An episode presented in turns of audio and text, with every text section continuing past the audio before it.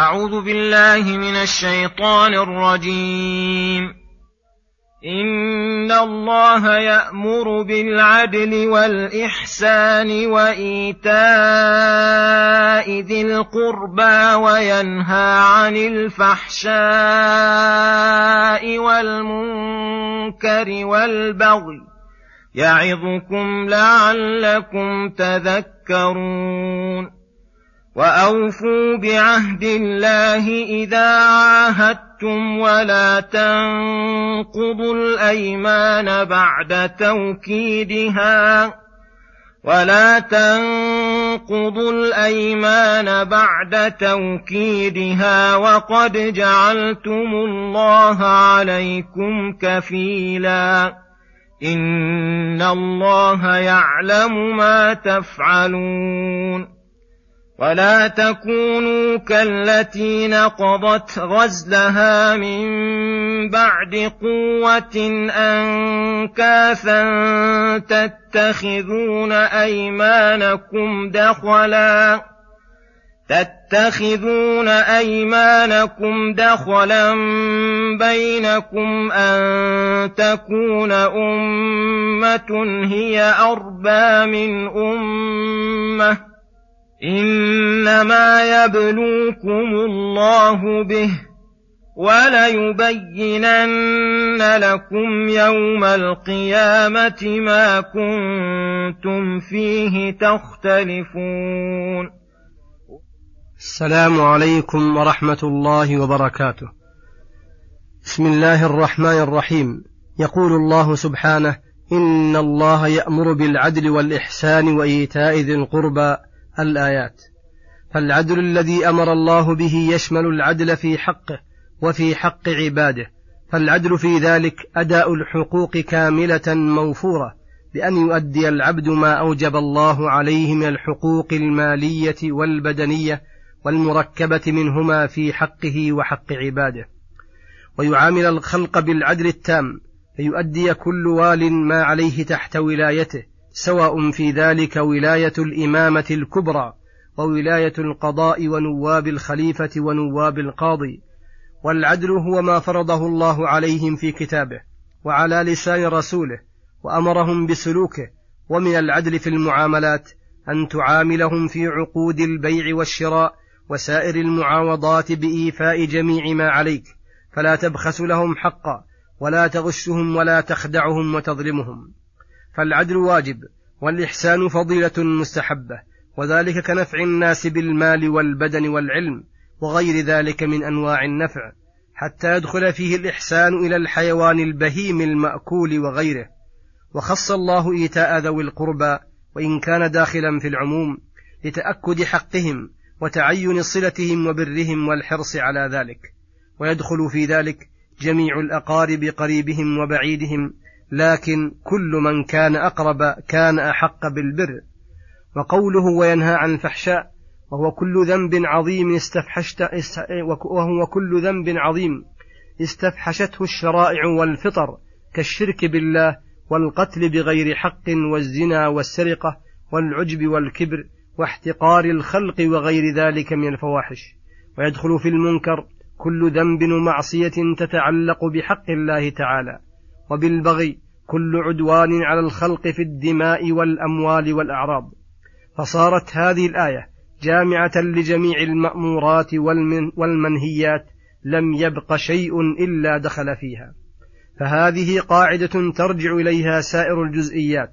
فكل مسألة مشتملة على عدل أو إحسان أو إيتاء ذي القربى فهي مما أمر الله به. وكل مسألة مشتملة على فحشاء أو منكر أو بغي فهي مما نهى الله عنه. وبها يعلم حسن ما أمر الله به وقبح ما نهى عنه. وبها يعتبر ما عند الناس من الأقوال وترد إليها سائر الأحوال. فتبارك من جعل من كلامه الهدى والشفاء والنور والفرقان بين جميع الأشياء.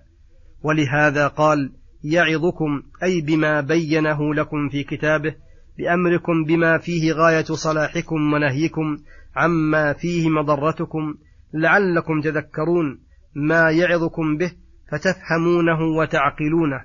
فإنكم إذا تذكرتموه وعقلتموه عملتم بمقتضاه فسعدتم سعادة لا شقاوة معها.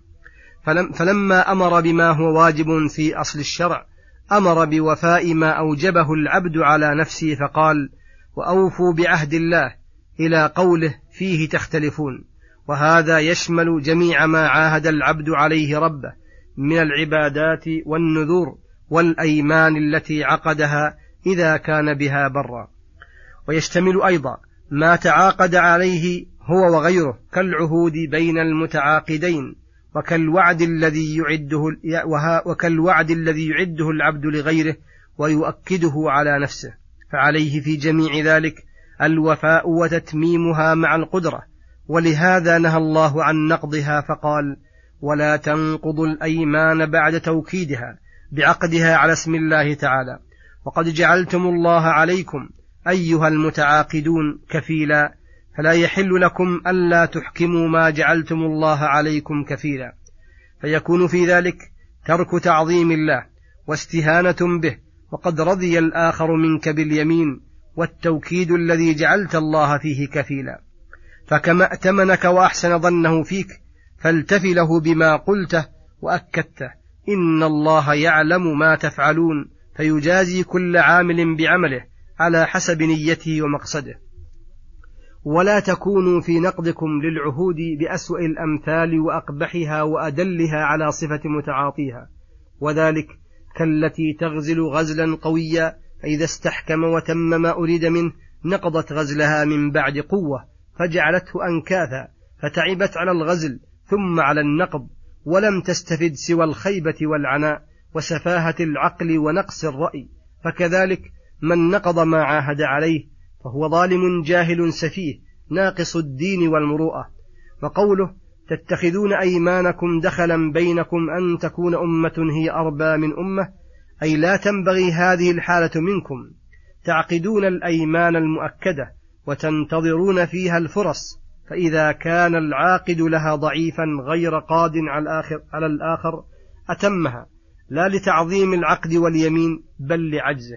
وإن كان قويا يرى مصلحته الدنيوية في نقضها نقضها غير مبال بعهد الله ويمينه. كل ذلك دورانا مع أهوية النفوس وتقديما لها على مراد الله منكم وعلى المروءة الإنسانية والأخلاق المرضية لأجل أن تكون أمة أكثر عددا وقوة من الأخرى. وهذا إنما يبلوكم الله به امتحانا حيث قبض لعباده من أسباب المحن ما يمتحن به الصادق الوفي من الفاجر الشقي. وليبين لكم يوم القيامة ما كنتم فيه تختلفون.